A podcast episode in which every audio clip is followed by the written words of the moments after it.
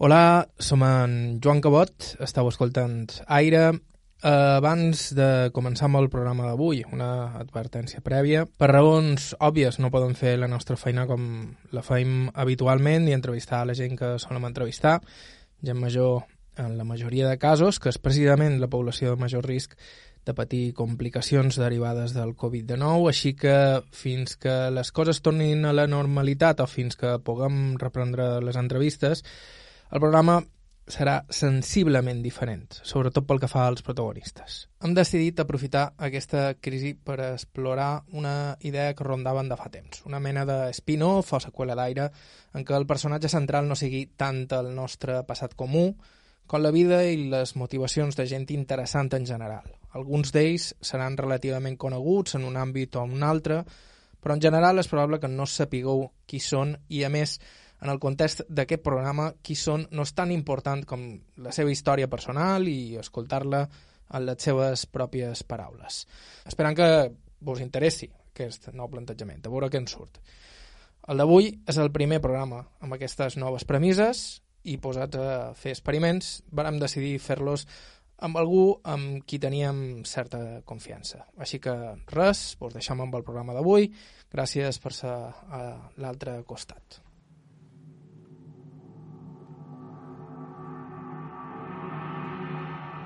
Um, jo necessit... Espera. Aquest és el nostre protagonista d'avui. S'esmolet, Paco pels amics. Xesmolet, Paco, Francisco, per mo mare, Francesc Xavier, Paco Cés, pels meus amics sevillanos, Francesc Xavier Molet Ferriol. Segona advertència en el que duim de programa, en Paco és un fabulador. Jo ja no sé si m'invents les coses, si el he viscudes, de vegades saps aquella expressió que diu no, jo no hi era, això. Qui t'ha contat que jo vaig anar la plaça? No, jo no, eh? però si hi ha una foto. Dic, però si no són jo. És a dir, a vegades nec la realitat, a vegades me la invent. No és com Paco conti mentides, de vegades sí, de vegades no. En tot cas, les seves mentides solen ser bastant millors que la veritat. En Paco reinterpreta la realitat, en part perquè ho du de fàbrica i en part perquè és la seva feina. Contar contes, inventar històries i unir punts inconexes per trobar certa lògica narrativa en el caos quotidià. Ha dirigit més d'una vintena de documentals, ha produït pel·lícules i programes de televisió i sí, també és el productor d'aquest programa de ràdio i sobretot era la persona més interessant que teníem a mà en les circumstàncies presents. Mai he sabut definir molt bé la meva, el meu ofici, audiovisual, cine, imatge, so, és una cosa que no me considero cineasta, supos que el més fàcil seria dir faig cine, però crec que no he fet mai cap pel·lícula, en la qual la contradicció és eterna. La història de Sesmolet és, també i en part, la història de l'audiovisual a les nostres illes i, tangencialment, un bocinet de la història del cinema a Espanya encara que només sigui per la seva implicació en la gravació de Acción Mutante, la pel·lícula d'Àlex de la Iglesia. Cada desayuno es un viaje con Tripis. Tripis. Tripis, copos de ácido ilustrados. Estau escoltant Aire a IB3 Ràdio, vos parla Joan Cabot. En el programa d'avui s'ha esmolet o com es conta la història d'un contador de històries. Primera part. Començam.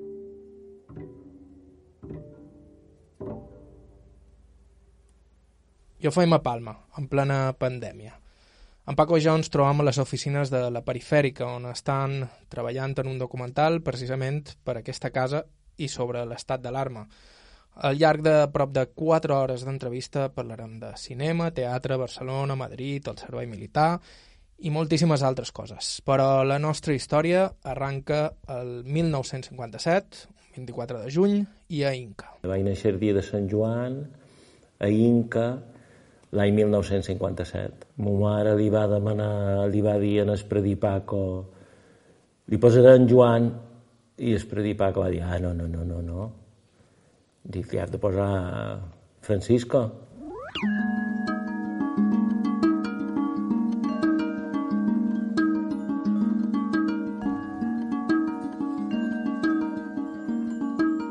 Mon pare tenia cinc o sis feines.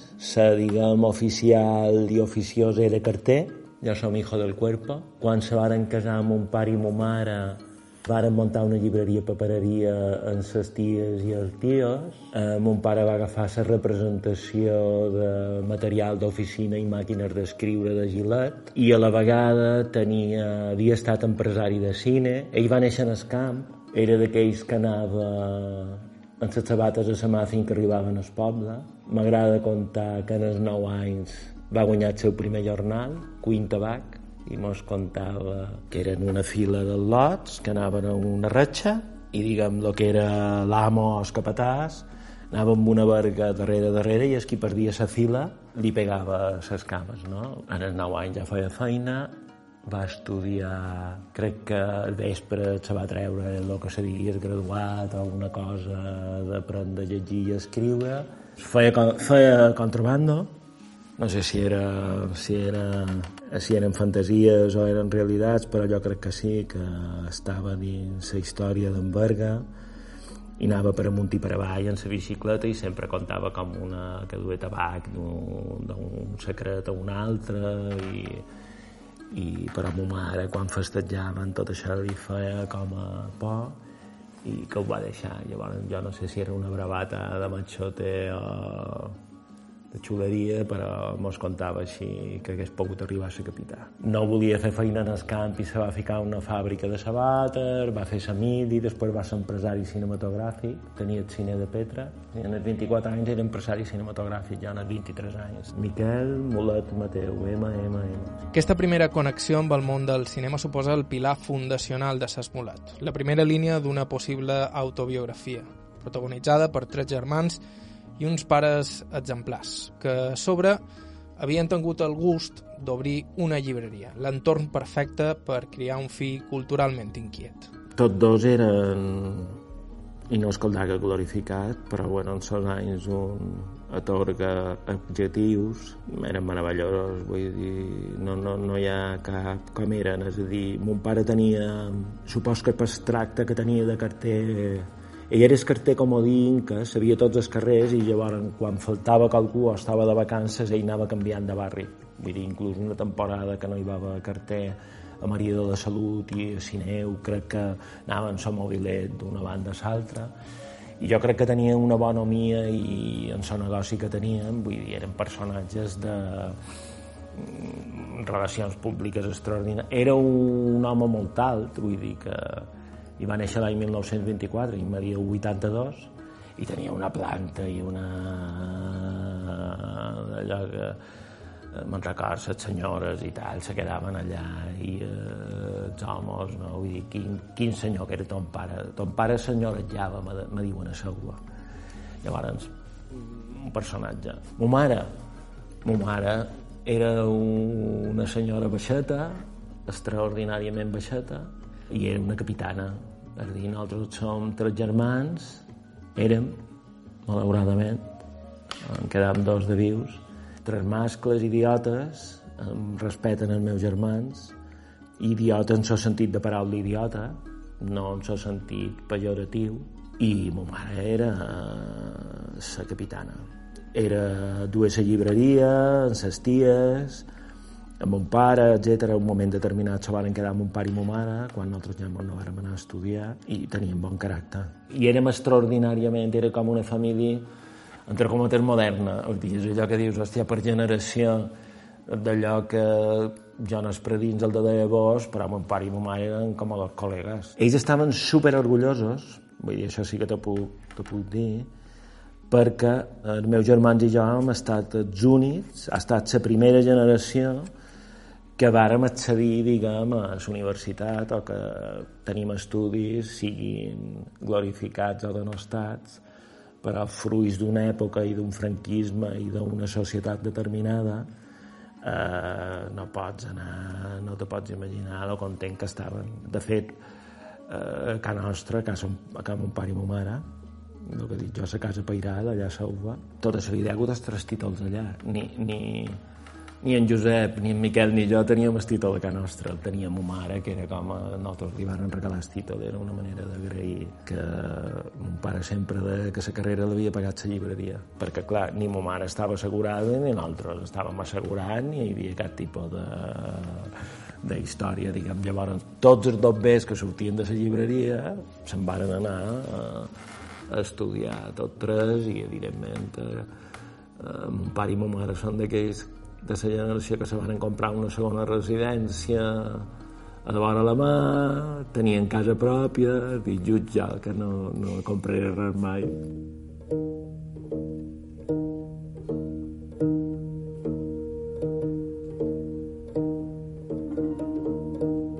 Aquella llibreria tindria en ell una influència fàcil d'endevinar tenint en compte la seva trajectòria posterior. Sobretot és el decorat per a bona part de la seva infància i joventut, el lloc on passaves les estones que no eres a escola i un accés inesgotable a revistes i llibres que, a poc a poc, varen anar convertint-se en la seva segona pell. Jo cont que jo vaig néixer a una llibreria. No és literal, perquè jo vaig néixer en el carrer... Quan jo vaig néixer a de Rio Ebro, 14 primer, i ara és carrer Llorenç Villalonga. Vull dir, sempre explico a les meves filles que dient això, a on van néixer? En el carrer Rio Ebro. Ara, Llorenç Villalonga. Vull dir, pots establir una correlació social de tota una època. De fet, vaig néixer en el pis que tenien llogat mon pare i mon mare. El meu germà Miquel, que m'aduia 15 mesos, que és gran, eres gran, va néixer en el carrer Barco, i en canvi en Josep, que té 4 anys menys que jo, va néixer ja a la clínica, allà a Inca. Però jo sempre dic que he nascut a la llibreria perquè els meus records primers, no sé si tenia un any, si tenia dos anys, si ja havien muntat la llibreria quan jo ja havia nascut, no sé exacte, jo crec que degueren muntar la llibreria el 57, el 58, no ho sé, això t'ho podria averiguar exactament i era una llibreria papereria en el centre d'Inca, en el carrer Jaume Mangol, a un xaflà, i la vàrem traspassar quan jo tenia 25 anys, és a dir, ja te pots imaginar.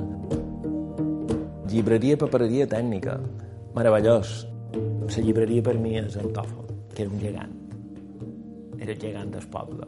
Era un dels beneis del poble i era, devia tenir un tipus de malaltia de queixes elefantiasis o desproporcionat, per fer.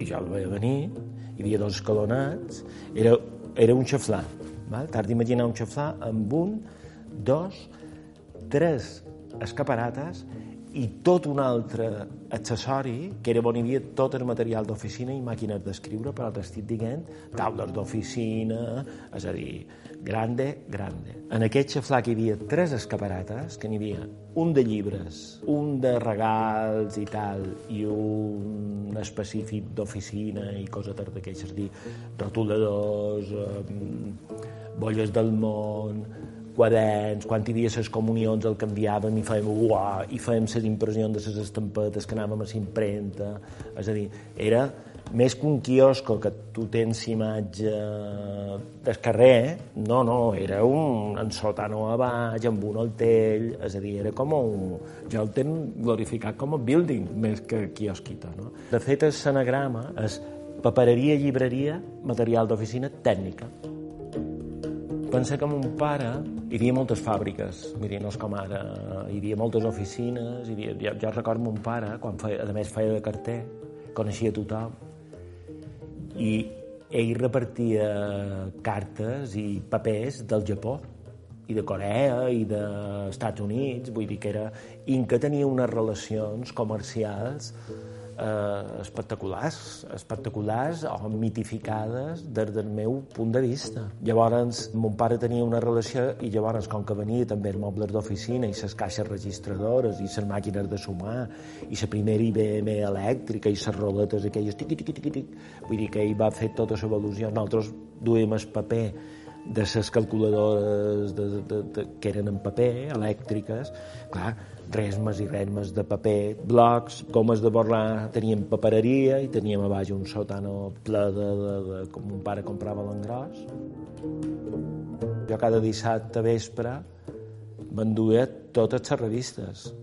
Evidentment, per jo com era, vull dir, era Cuadernos para el Diálogo, Triunfo, Ozono, Ajo Blanco, vull dir, jo me subscrivia, li demanava a la distribuïdora Roger, tot, tot, vull dir, ha estat com una gran epopeia. Acabàvem els cromos els primers de tots, perquè nosaltres el dissabte ens duem una catxa de cromos, dissabte vespre, i en l'àlbum, i començàvem a destapar sobres amb un pega goma aràbiga, saps? I anàvem posant i després el de tornàvem a ficar en els sobres. Era totalment aleatori, però clar, sempre acabàvem i el tornàvem a vendre. Nosaltres jugàvem a la plaça d'esport, però també jugàvem a la llibreria. Jo crec que vaig aprendre a anar en bicicleta pel centre. O jo, per exemple, tinc molt mitificat... Hi havia un baret on hi havia cara i metge, que era com una espècie de colom. Saps aquests cafès de poble però que també tenen els coloms? O, per exemple, hi havia la Constanci, que era meravellós, que era en el carrer Major. Després hi havia, hi havia el barri on vivien nosaltres, que mos tiraven pedres, tots els del barri, això que dius, del nin de sempre, i després hi havia la llibreria, que era el centre, on també hi havia una altra, una, una altra vida, no? i fèiem uns altres contactes. I érem de l'acadèmia. Jo me'n record que el meu gran amic, en Tolo, jugàvem a bolles, anàvem, anàvem de, de l'acadèmia, ens aturàvem a casa seva, i de casa seva, ell me deia, t'acompanya a, casa teva, mon anàvem i seguíem, i bueno, mos renyaven a tots dos, perquè tardàvem per arribar de l'escola a casa nostra, lo millor ja no sé si eren 30 minuts o 40 minuts, però és que jugàvem a bolles, i hi havia un parell de costes, i la bolla, com que tornava enrere, ho fèiem dissabte, ho fèiem tot, perquè com que ma mare era a la llibreria, dissabte un se quedava... Jo, per exemple, me queixava molt. Jo volia anar a fer feina a una fàbrica, volia saber que era un treballador, jo volia anar en esquívols d'Israel, jo volia anar a Perú a veure els indígenes, els pobles indígenes, a dir jo... I jo no me volia treure el carnet de conduir perquè era un hippie i jo anava descalç de Can Nostra a la llibreria amb una camiseta rosa, dues cabells llargs, i mon pare eh, amb un peu davant l'altre me va fer dir, i llum comences a les gestories a dir estic cansat d'anar a Palma, a Can Gilet, a recollir màquines d'escriure en el taller, d'anar a la distribuïdora Roger a cercar fascicles que falten, a com anar a dir te toca tu, ja. I els estius, jo de per allò no puc anar de dos mesos a una fàbrica o un hotel a fer de camarer per saber que és la classe treballadora, perquè pensa que eh, és dir, jo no sé si li passa a tothom, però entre els 14 i els 19, 20, allò que en diuen adolescència joventut o pelilles en la barba, eh, vols canviar el món i, i jo tenia ganes com de tocar moltes tecles i amb un peu de l'altre a llibreria, és a dir, cap problema ni un. Jo, quan eh, vaig tornar de Barcelona, en els 25 anys, eh, seria llarg de contar, i li vaig proposar a mon pare i a ma mare que eren majors a llibreria.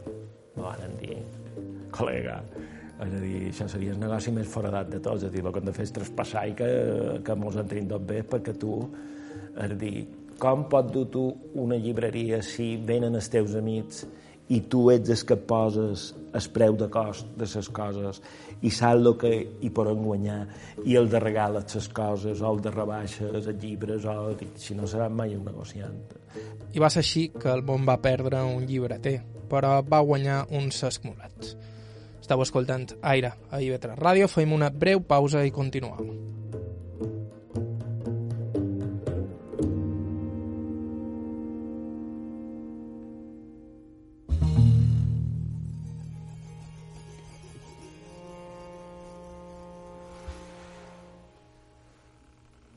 Hola de nou, estàu escoltant Aire, això és IB3 Ràdio, vos parla Joan Cabot, i avui nosaltres estem escoltant la vida i miracles del jove Cesc Mulet. Mulet és productor audiovisual, realitzador, guionista, i fins ara l'hem escoltat parlant-nos de la seva infància a Inca, envoltat d'un decorat que l'acompanyaria la resta de la seva vida, els prestatges de la llibreria familiar. Ara toca parlar dels seus anys de formació, d'Inca a Barcelona passant per Palma. A Inca, de fet, amb Paco va formar part de la primera generació que va estudiar a l'Institut Berenguer de Noia, encara que llavors era només l'Institut d'Inca, l'únic que hi havia. Jo vaig inaugurar l'Institut d'Inca, jo anava de l'acadèmia a, a ingrés, a primer de batxiller, segon de batxiller, a tercer de batxiller. Jo venia, veníem en so tren amb una furgoneta de l'acadèmia en, a les 8 de matí, a les 7 de matí, mos examinàvem durant un dia i mig de totes les assignatures, és a dir, te la jugaves tot un dia i mig, és a dir, anaves per llibre, i tenies de 9 a 10 llatí, de 10 a 11 francès, de 11 a 12... Després anàvem a dinar a la premsa, me'n record perfectament, anàvem a la premsa, tornàvem, a lo millor a les 3 i mitja tenien gimnàsia, educació física, formació de l'espíritu nacional, i el demà química, el que fos. No? Això fins a tercer de batxiller, això seria fins als 12-13 anys. Quart de batxiller, mon pare va ser un d'aquests associacions de família, això que d'estar del franquisme i tal, que dins el poble varen reclamar com que hi hagués un institut i se va crear l'Institut d'Inca. Ja, ja hi aniré l'any que ve perquè tothom se va quedar a l'acadèmia, acabar el quart i que ja farien quint i sest i jo estava prenyadíssim amb mon pare, me va emprenyar molt, perquè no, només hi va anar, crec, de l'acadèmia eren dos. Però crec que ha estat una de les glòries de la meva vida perquè l'Institut d'Inca era Campanet, Binissalem, Llubí, Lloseta, Sa Pobla, Pollença, el Cudi... És a dir, varen crear com una xarxa de gent, a més, mixta, no? Aquesta xarxa suposava l'ampliació de la zona de confort per a una generació que a poc a poc anava posant a prova els límits del tardofranquisme, encara que sovint fos d'una manera bastant innocent. Més endavant vendrien les reunions amb les organitzacions clandestines de Bon de Veres, però mai ets massa jove per sentir-te decebut per l'activisme. Jo vaig néixer el 57, eh, jo és a dir, no, no he estat mai a primera línia de res, és a dir, jo me vaig desenganar a la primera manifestació que era contra els penenes, jo devia fer o ses de batxiller o preu, és a dir, jo tenia 15-16 anys. T'estic parlant Franco era viu encara. Devia ser 73, 74, 72, posa-li una fetge d'aquestes. Perquè jo crec que en Franco se va morir quan jo vaig començar filosofia i lletres. Dir, jo aquell setembre-octubre del 75 crec que vaig començar filosofia i lletres a Sant Malferit aquí a Palma. Llavors, en aquesta manifestació, que a mi me van anomenar delegat, record que vaig anar al director, el director me diu fei el que voleu i a més jo probablement faria el mateix que vosaltres, diu, però he d'avisar la Guàrdia Civil perquè estava en el carrer en vez d'estar dins l'institut. Ah, molt bé. Me'n record que en Jaume ja van dir perfecte. Bueno, em van sortir de fora, hi havia millor 300 o 100, no sé quant de jovenot i jovenota hi érem, varen dir això i tothom se'n va anar. I jo va ser el meu primer, supos que la paraula exacta és desengany, vaig dir però bé, no havien decidit que estaríem aquí aguantant de metge. Oh, podrà ser Guàrdia Civil! Uh! I, I jo vaig acabar tot aquell dia a la bolera jugant a flippers i a fent billars i ping-pongs i, i gastant eh, eh, les pessetes i vaig dir, hòstia, tia, vaya puta revolució, no? Si esto serà assembleària. S'ha de dir que Cesc Mulet jugava amb cert avantatge per la seva formació des de la llibreria, tenia accés a revistes i llibres que, si bé no estaven prohibits, tampoc eren els més habituals durant els anys del règim. Jo crec que tot era molt gris. Jo, per dir, aquesta imatge que te conta del franquisme, jo crec que era realment... Ho vivies cada dia, després de dilluns vers dimarts, després de dimarts vers dimecres, després de dimecres fins al diumenge i torna a començar el dilluns. És a dir, i cada dia vas a escola, jo anava a la llibreria, tenies les teves discussions amb la padrina on ton pare i ta mare, on els teus germans, on els amics, començaves a, a enrabenar, es dir, te demanaves eh, si podries boixar aviat o no, estàvem tot molt reprimits. Jo sí que record por de morir-me en pecat. Jo he fet d'escolar Santa Maria la Mallor, m'agradava, me'n recordo que el capellà te deia posa més vi, més vi, més vi, més vi, més vi, vull dir, era com un rit, supos que era aquesta part de pallasso, o de teatre, o de ritual, que tal, però jo record que quan arribava la Corema o la Pasco i tapaven els sants i era tot lila aquells discursos que te feien i me'n record que se va morir quan jo tenia 9, 10, 11, 12 anys veïnat per, per paret de que nostra d'un tumor i jo cada vegada que pareixia que tenia mal de cap me moriré i me moriré en pecat, saps? Era tot com a, com a, com a una... Hi havia molta repressió, vull dir. Tu pensa que jo anava a una escola que te passaven el dit per aquí i si el dit no se veia, t'enviaven a casa teva en el barber. Te miraven les soles de les sabates, és a dir, jo formava files, és a dir, tot era com a... No era exactament militar, però, per exemple, jo que vaig ser fundador, cofundador de Sobre Cultural Balear Inca quan jo tenia 16 o 17 anys, a mi m'ha vengut la secreta a suspendre una projecció d'ornitòlegs de la bufera d'uns inglesos que venien, que nosaltres contactàvem, perquè posàvem el pòster en català. És a dir, a mi, a les primeres festes populars, a l'Ajuntament me de... i me va saber un greu de l'ànima. Jo vaig anar a cercar una escala per enfilar-nos i decorar tota la plaça Major i me van dir carteret, ja està bé de lo que, que vos pensau que és poble vostre. Això, el regidor de festes de, de l'Ajuntament, que te diguin carteret, que no puguis utilitzar... I, I jo li deia, però l'Ajuntament no és de tots. Aquesta escala no la podem emplear.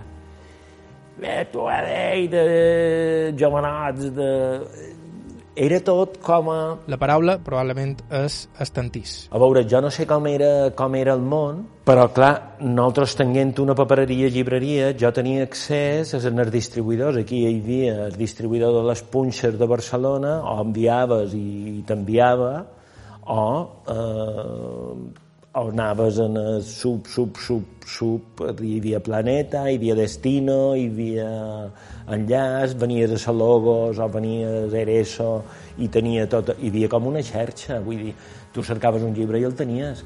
A veure, t'estic parlant, mort en Franco, segur. Fins en Franco, hi havia molt de llibres eh, en el tard del franquisme, molts, jo record moltíssim. No tots, probablement, però moltíssims. I quan vaig anar, el primer pic que vaig anar a París, com pot superar el primer que vaig fer va ser anar, un, que jo tenia 15 anys i vam anar de viatge d'estudis en l'institut. Vaig anar a una llibreria a demanar en castellano a veure què havia. A lo millor era Neruda, saps? Poemes de Neruda o...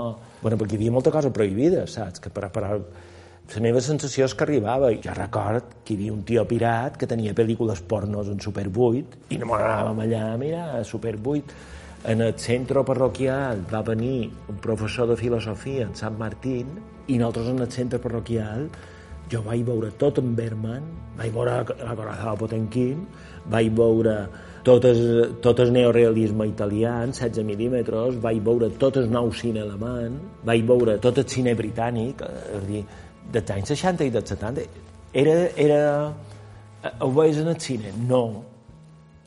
En el cine veien el cine comercial i el meu record era el Cicampeador, l'exorcista i tal. Va ser aquesta passió, la del cinema, la que a poc a poc aniria desplaçant la dels llibres. Tenint en compte que parlam de principis dels anys 70, sembla increïble que algú es plantegés seriosament la possibilitat de dedicar-se a fer pel·lícules. Devia ser tan realista com voler ser astronauta, però Cesc Mulet ho va tenir sempre clar. Tenia clar fer cine. És dir, jo, eh, és dir, si et surt de sortida meu, jo te diria que el tenc com si fos ara. Vull dir, si ara hagués de fer una pel·lícula, és, eh, nosaltres, que nostra, eh, que mon pare i mon mare, era una casa d'aquestes de, de poble, que, que tu entres a baix i a dalt hi ha dormitoris, llavors en el passadís dels dormitoris hi havia cibernera, i a cibernera hi havia un secreter, i en el secreter jo, on jo estudiava. I me'n recordo que en aquella hivernera, quan jo feia revàlida de batxiller, dir, cest, de batxiller, que això són 15-16 anys, mentre estudiava revàlida, jo vaig fer el meu primer guió i jo ja volia estudiar cine, volia fer cine. Hi havia una part, hi havia una part curiosa, que és que mon pare havia tingut en els 24 anys el cine de pedra.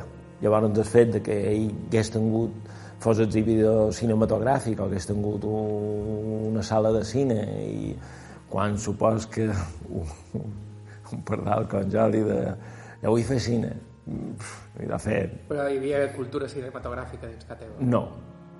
No, no hi havia cap tipus de cultura. És a dir, hi havia una cultura humana, hi havia una cultura liberal, hi havia una cultura d'amistat, però no hi havia llibres a casa nostra. Curiosament, nosaltres teníem papereria i llibreria, però hi havia el tom d'una sèrie d'enciclopèdies, hi havia el Quixot, hi havia 20 llibres allà, i hi havia eh, els tres germans que no duraven d'estudiar i que mon pare tot jardí monges de com és possible d'haver tingut tres homes i que ningú li agradi el futbol. Era una cosa probablement estranya, però per tu qui ho vius no era estrany. Per què volia fer cine? Ni punyetera idea. És a dir, no volia ser escriptor, no volia ser metge, no volia ser misser. Quin era l'entorn? L'entorn era... Mon pare era carter, nosaltres teníem una papereria llibreria, mo mare era oficialment mestressa de casa, però era eh, dependent eh, dues negocis amb mon pare, amb els tios i les ties, i els meus dos tios, el germà de ma mare, n'hi havia un que era oficial de notaria i l'altre era director del Banc de Bilbao. Llavors, se suposava que jo som el fiol des que era el director del Banc de Bilbao eh, entrarà en el banc. L'altre era oficial de notaria, pues, el meu germà entrarà a la notaria. Jo de petit sí record que volia ser notari a un moment determinat. Fins que un dia vaig dir, però un notari no fa feina ni cobra un... I jo no seré notari. També me'n record que volia comprar una possessió amb mon pare. Mon pare te compraré una possessió un dia, encara l'espera. És a dir, no ho sé, però no, no era una sensació, no tens la sensació fer cine és una cosa estrafalària, com si fossis un marcià... No, faré cine. Què va passar? Que un fa tot el batxiller, va, jo crec que vaig ser del primer o segon any que jo vaig fer preu, preuniversitari, i arriba el moment que has d'estudiar. Jo record que vaig escriure una carta a l'Escola Oficial de Cinematografia de Madrid i vaig rebre una contestació se ha suspendido. El dia en Fraga va suspendre l'escola de cine, el la qual ja tampoc podies estudiar, tampoc hagués pogut accedir a l'escola de cine, perquè després en els anys he estat llegint i era complicadíssim entrar a l'escola de cine perquè era un niu de comunistes i era una cosa que havia de tenir una preparació intel·lectual, probablement. Sí que me va posar una pega a mon pare i mon mare, que era tu no t'aniràs a Madrid si no tens un ofici, és a dir, fer unes oposicions de carter, digue-li al teu padrí per entrar en el banc de Bilbao, és a dir, te n'has d'anar amb feina, no t'aniràs allà, nosaltres no podem permetre el luxe de que tu te'n vagis a Madrid a estudiar, tal. I llavors vaig mirar que se podia fer Palma, com a aparcant ja hi aniré, ja veurem com, com m'organís, i vaig decidir fer me vaig matricular a Psicologia, a Facultat de Filosofia i, i Lletres, fent Psicologia, i a la facultat de dret per una història que jo duc aquí a rast com una motxilla i amb una pedrota que és individu, persona i societat, i vaig dir. Per preparar històries, per preparar personatges, per a dins aquesta trilogia, dins aquesta dicotomia de lo social i lo, i lo personal, podré crear personatges i podré, és dir, de saber les lleis que marca la societat i he de saber les lleis naturals que té cada un de nosaltres. Dret m'anava de puta mare, en el primer trimestre, i la psicologia m'anava fatal, i vaig dir que dret que el bombin i me vaig eh, concentrar en psicologia. I, I som llicenciats en psicologia. En aquell moment no hi havia universitat, encara de Illes Balears, depenia de la Universitat de Barcelona, llavors se podia fer diplomat a Sant Malferit. Allà hi havia un petit institut que havien convertit en facultat de Filosofia i Lletres. Palma seria la següent etapa en el seu camí. Per als joves que havien crescut lluny de ciutat, entrar en contacte amb la capital suposava descobrir un nou món on les possibilitats es multiplicaven, malgrat Palma fos també, a la seva manera, provinciana i limitada. En aquell primer any d'universitat, a més, Sesmolet faria una amistat que l'acompanyaria la resta de la seva vida i que seria importantíssima a nivell personal i professional.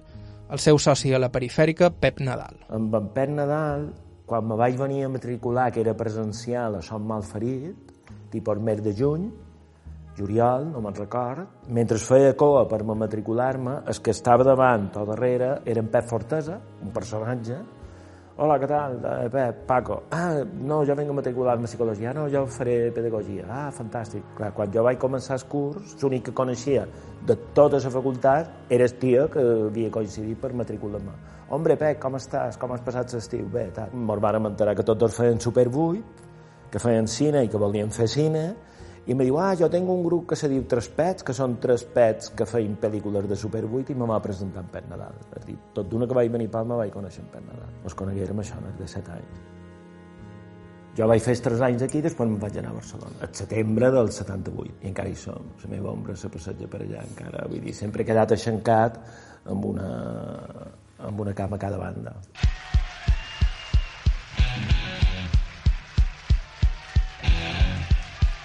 Pròxima aturada, Barcelona, 1975. Estau escoltant Aire a IB3 Ràdio, fem una breu pausa i continuem.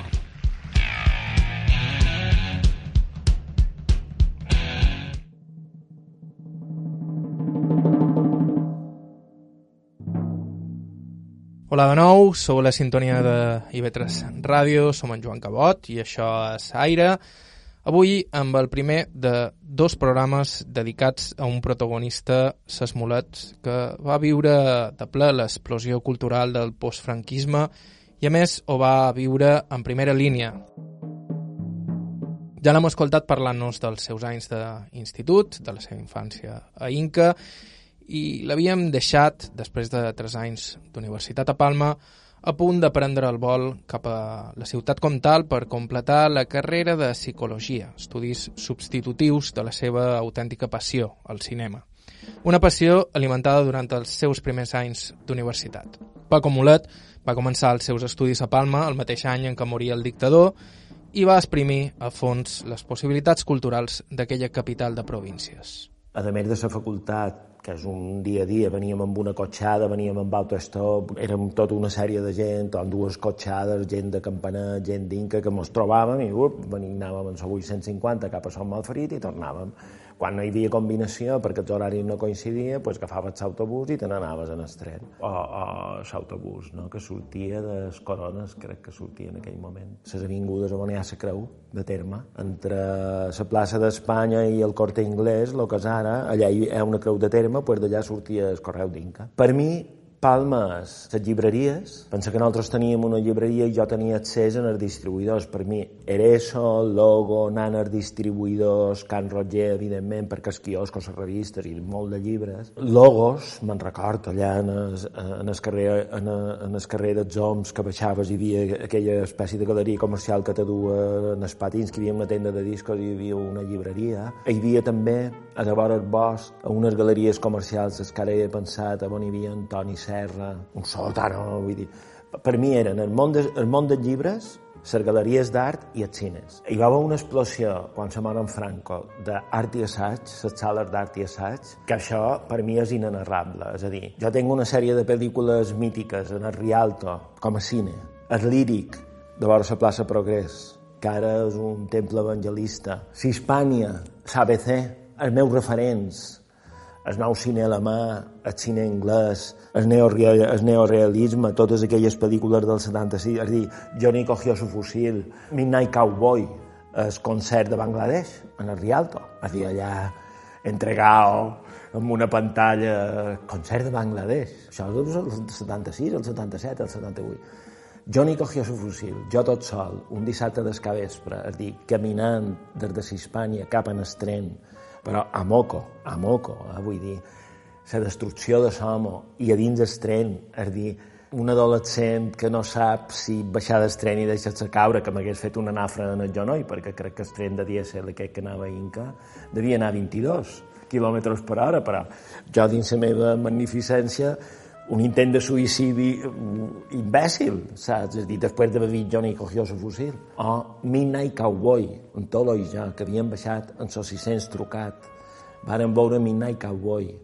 I quan tornàvem, que no dèiem ni una paraula, que estàvem com atravessats per, per la pantalla, en el pont d'Inca, a un semàforo, uns tios, per favor, deixem-nos passar, què passa, col·lega, què, tienes i tal, i va, va, va sortir en tot que era com molt més xulès que jo, i aquell va treure la guinaveta, i tu dius, i, i eh, eh, eh, tranquilo, que no passa nada, eh, no passa nada, un quillos que, que quasi mos mo, mo, mo atravessaren, I, i tu tornes entrant al 600 trucat i te'n vas cap a Inca a les 12 de la nit, perquè eh, venies a la darrera sessió, a les 8, a les 10, de noche, carretera, si això no és cinematogràfic, eh, a lo millor són jo perquè m'ho compte, jo fabric pel·lícules constantment. Llavors, és important per jo, l'art, per jo era constant, les galeries d'art, el cine, i les llibreries. Amb tot aquest equipatge, Sesmolet es va instal·lar a Barcelona, una ciutat que, com ell mateix comentava, no ha deixat d'evitar del tot mai. Jo crec que Barcelona,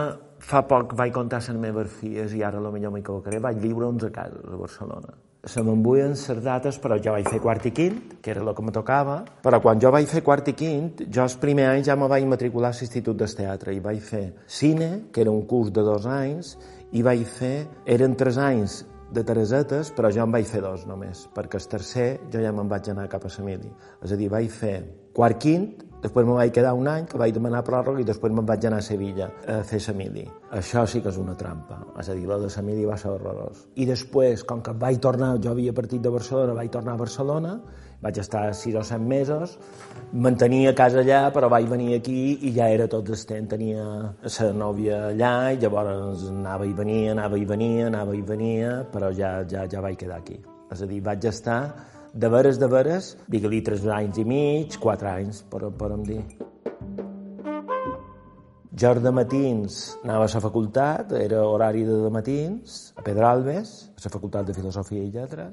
Ràpidament me vaig amb col·legues i amics de la facultat, me varen passar feina a un menjador escolar a la Meridiana, una cooperativa, i llavors jo anava migdies a donar menjar als nins, a fer de monitor, de pati, a, a fregar el menjador i els descadespres feia, crec que tres dies a la setmana, anava a Mataró a una espècie d'assistència extraescolar o suport a un síndrome de Down, Marianito, i de les 6 a les 7 a les 9 feia nocturn a l'Institut del Teatre, que era més o menys els horaris. És a dir, era una explosió de coses, és a dir, de matí eres estudiant de filosofia i lletres, currante fins les 5, no? de la 1 a les 5 currante, i de les 5 a les 4 de la matinada eres un hacedor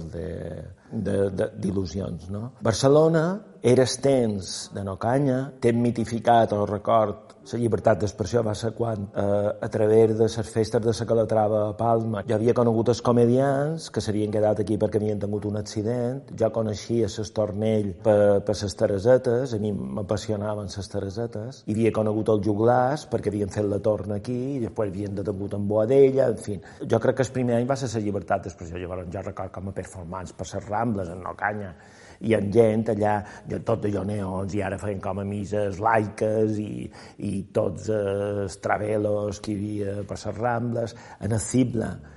Era una cosa molt curiosa, el Cibla era el d'imatge de l'Institut del Teatre, clar, allà hi havia des de na Sílvia Munt, na Juanjo Puigcorbert i Home d'Aula, tota aquesta gent que estudiaven d'actors, els que estudiaven cine érem una cosa raríssima, però hi havia Agustí Villaronga, hi havia Manolo Iborra, hi havia Carlos Pastor, eh, nosaltres érem quatre o cinc mallorquins allà, vull dir, hi havia Nalala Gomà. Nalala Gomà crec que treballava per la caixa i teníem un aparell de vídeo i jo li ajudava a fer vídeos en nins secs, saps? Tot el que siga, tot el que siga dir, com és possible que estigues fent vídeos en nins secs? Bueno, pues aquí estava jo. Tenia com una facilitat per trobar el que no era el que estava a, a, a la pàgina del diari. De fet, el CIPLA, de l'Institut del Teatre, seria una peça fonamental en la incipient escena del cinema català, sobretot entre un grup de creadors interessats en l'experimentació i en les cintes d'art i assaig. Però un cop acabada la carrera de psicologia, Paco Mulet tenia un compte pendent que saldar amb la nació. Tocava passar al servei militar. Vaig estar batallant molt de temps perquè jo no la volia fer, vull dir, tenia molt clar que no volia ser militar, per moltes raons, probablement perquè el règim era militar, tots estem d'en Franco, dins tota aquesta història que t'he dit, antisistema, que un, des de que comença a reflexionar i a pensar en els 13 anys, temps assumit, vaig entrar en contacte amb gent que feia objecció de consciència en aquell moment, crec que hi havia una dos mallorquins, no sé per què me sona Campanet, un que estava tancat a la presó, a nivell de lectures n'hi havia un Pepe Begunza, o ve aquest nom i a lo millor m'estic equivocant. Clar, tothom estava tancat a la presó i jo vaig dir, a veure, un moment, és dir, Martin no, a dir, giripolla, no ho sé, me vaig acobardar moltíssim i el que sí tenia era referències de que t'inventaves malalties o mentals o tingues peu plans o no hi veig més, hi havia gent que se ficava just antes de la revisió metge o a dins l'estómac com si tinguessis una llaga, saps, coses que te podien provocar vaig xerrar amb qualque metge amic. En els 23 anys me'n vaig anar cap a la ja que no podia demanar més pròrroga. Hauria pogut demanar com a pròrrogues d'objecció, com a mig, que després que en el 33 ja quedava alliberat, però era com estar pendent, pendent, pendent, i jo no, no, no volia tampoc aquestes tres, o per covardia, o per què li vulguis dir, i me'n vaig anar en el 23, o en el 22 cap a... me va tocar a Córdoba, Cerro Moriano. La foto fantàstica o famosa, icònica de la Guerra Civil, de republicà que està a punt de caure d'en capa, Cerro Moriano. I tu dius, joder, tio. I vaig estar 40 dies i 40 nits allà fent un campament militar que ho record com el més no surrealista, subrealista, dir, per davall, per davall les taules, és a dir, crec que és una de les experiències més negatives que he viscut en la meva vida. A Cerro Moriano, Mos varen fer pràctiques de tir i això que te'n vas una noche de... carregat de, de mil coses i... Ala! Varen haver de tirar magranes, que dic jo, granada, granada de mano, i me'n record que l'oficial de tot em va dir una de cada mil o cada diez mil no explota, però hay que ser machotes, i unes coses. I quan me va tocar aquí que me criden, que, que, que te tremolaven les cames i tal, i, i era com un, un, un... Tu estaves com un balconet, no? estaven tots allà a la terra, i t'anaven cridant, te n'anaves en aquell balconet, i hi havia com una espècie de... un precipici, no? I allà de sa, a 100 metres hi havia l'altre otra muntanya, per dir algo, ¿no? Y te den, tienes que llegar a la otra montaña, ¿eh? A ver si tiras con fuerza, hombre, soldado, que pareces mariquita, no? I me'n recordo, trets l'espítalo que t'havien dit les instruccions, quan te tocava, i jo faig, what? I, i allà, que no hi havia totes les magranes aquestes feines i no hi havia ningú que arribar. Fa així i no explota. I jo dic, va, tu, i me'n torno. ¿Dónde vas, mulet, mariquita? Es que com és que ni sabes estallar la, la, la, la granada, no? I, i, i vaig haver de tirar dues, dues, dues magranes. Després de la instrucció i gràcies a la intercessió d'un familiar militar, en Paco va aconseguir que el destinessin a un lloc relativament tranquil, la Caixa de Reclutes de Sevilla, on el va aplegar el cop d'estat de 1981. Venien tots els pobles de la província de Sevilla i classificaves a tots els joves que havien de fer la mili i les pròrrogues i una feina administrativa de baixes taules, amagats, amb unes depressions de cavall, amb un principi d'úlcera i una gran dialèctica.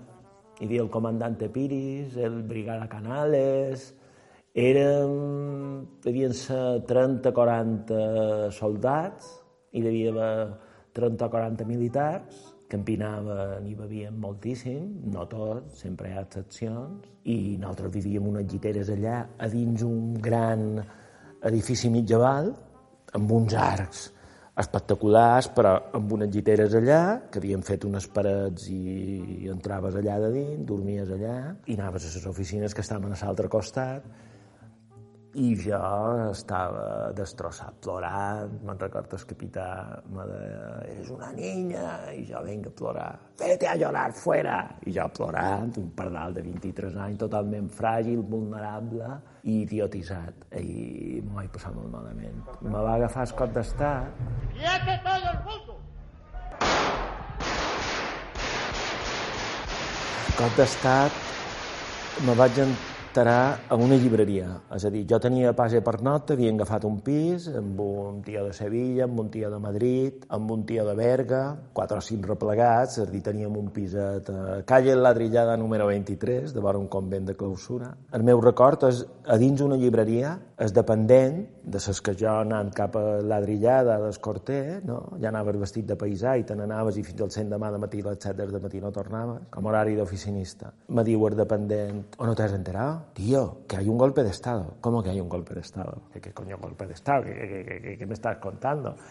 I me va pegar com un... Uh, una baixada de, una baixada de tensió. Dic, m'he deixat llamar per telèfon. Vaig cridar a la llibreria, de llibreria a la llibreria d'Inca, me va agafar en Miquel Germà, i jo, Miquel, que un cop d'estat, no te preocupis, ha entrat un guàrdia civil en el xerrat, són quatre tonteries, no te preocupis, que el trauran tot d'una i tal. Dic, tio, que jo estic fent a mi, dic, va ser un dels set vespres pitjors de la meva vida, és a dir, entre els porros que mos fumaren i tot el que varen maquinar per anar cap a Portugal aquell vespre, jo no voy a salir, eh? jo no voy a salir a la calle a, i en la ràdio, amb una ràdio posada de lo que devia passar aquell vespre, eh, jo me voy a Portugal. Crec que varen cridar en el tinent de guàrdia, eh, mi teniente, eh, que acabamos de escuchar por la radio que, que ha un cop d'estat, què feim? Y que le dije, pues a dormir, a hacer lo que queráis, mañana a las 7 os quiero ver aquí todos. Perquè hi va haver com un moment de dubte i llavors sí que varen quedar quartelats i cagaos, jo estava organitzant la fuita cap a Portugal.